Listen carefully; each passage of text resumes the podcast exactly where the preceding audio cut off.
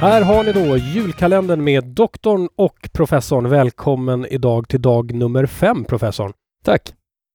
Vi har en eh, liten spännande lucköppning framför oss. Det är den femte nu i raden. Har vi suttit och prövat eh, fem stycken idag då, eller hur har det varit? Ja, minst. Minst. Eh, Vad jag kan minnas. Vad du kan minnas har vi gjort i alla fall. Ja, det är bra. Ska vi ta och öppna luckan på en gång? För idag har vi något, det här är fascinerande och roligt. Ja, nu är jag jättespänd här. Framför oss här, oh det är en, blå etikett. Vad trevligt. Ja, lyser fram lite här. Lite silvrig i kanterna rent av. Ja, det är en Kavalan Solist. Och cast strength också.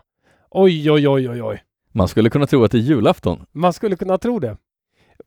Finns det någon koppling till det menar du? Ja, det finns ju en självklar koppling här och det är ju eh, Kavalan är ju, eh, för er som inte visste det, från Taiwan. Ett jättebra taiwanesiskt destilleri som vi har pratat om lite grann. Och eh, då är det så att i Taiwan så har man ju en motsvarighet till julafton, men den firas ju inte den 24 december som den gör här, eller 25 i USA, utan den firas ju den 5 december och det är ju idag. Och den heter Piang Nye och det är en urgammal konfuciansk tradition. Får jag bara fråga, det här med stämmer det verkligen det du sa nu? Nej, jag hittar ju bara på allting för jag kunde inte hitta någon vettig koppling till den femte. Ja men är det, har jag gjort nämligen. Ja, det var inte illa. den femte? Till att börja med solist tänkte jag ju på direkt därför jag såg en väldigt bra solist förra julen. Det var väl i och för sig 13 december men till den 5 december hittade en perfekt koppling. Om man tar alkoholhalten som den här har, den här Kavalan Solist och eh, delar den i 12 så kommer man till talet 4,88 och eftersom vi alltid avrundar uppåt för att tjäna pengar så blir det ju den femte. Perfekt, då har vi ju kopplingen klar för oss. Bra, nu vill jag inte hålla mig längre. Nu, nu prövar vi den här som är som gjuten för den 5 december. Ja. Och du, nu känner man att man lever. Mm, mm, mm.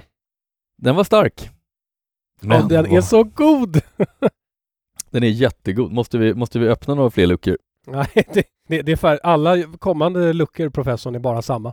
Om och om igen, varje dag. Det är bara jag som byter bakgrundsstory. ja, exakt. Du ska hitta nya kopplingar till nya datumet varje dag. Ja, vad ska man säga? Den här är en av de absolut bästa whiskyna jag har druckit av den här karaktären. Och karaktären är ju, det här är ju sherrylagrat. Mm.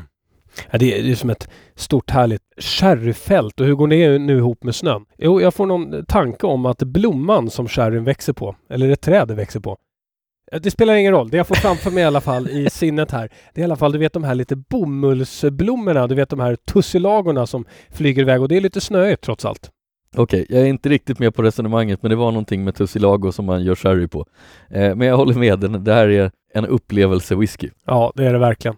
Och den passar så bra i vinterkylan att värma sig med, med sina 58,6 procent. Mm, nu vill jag pröva mer.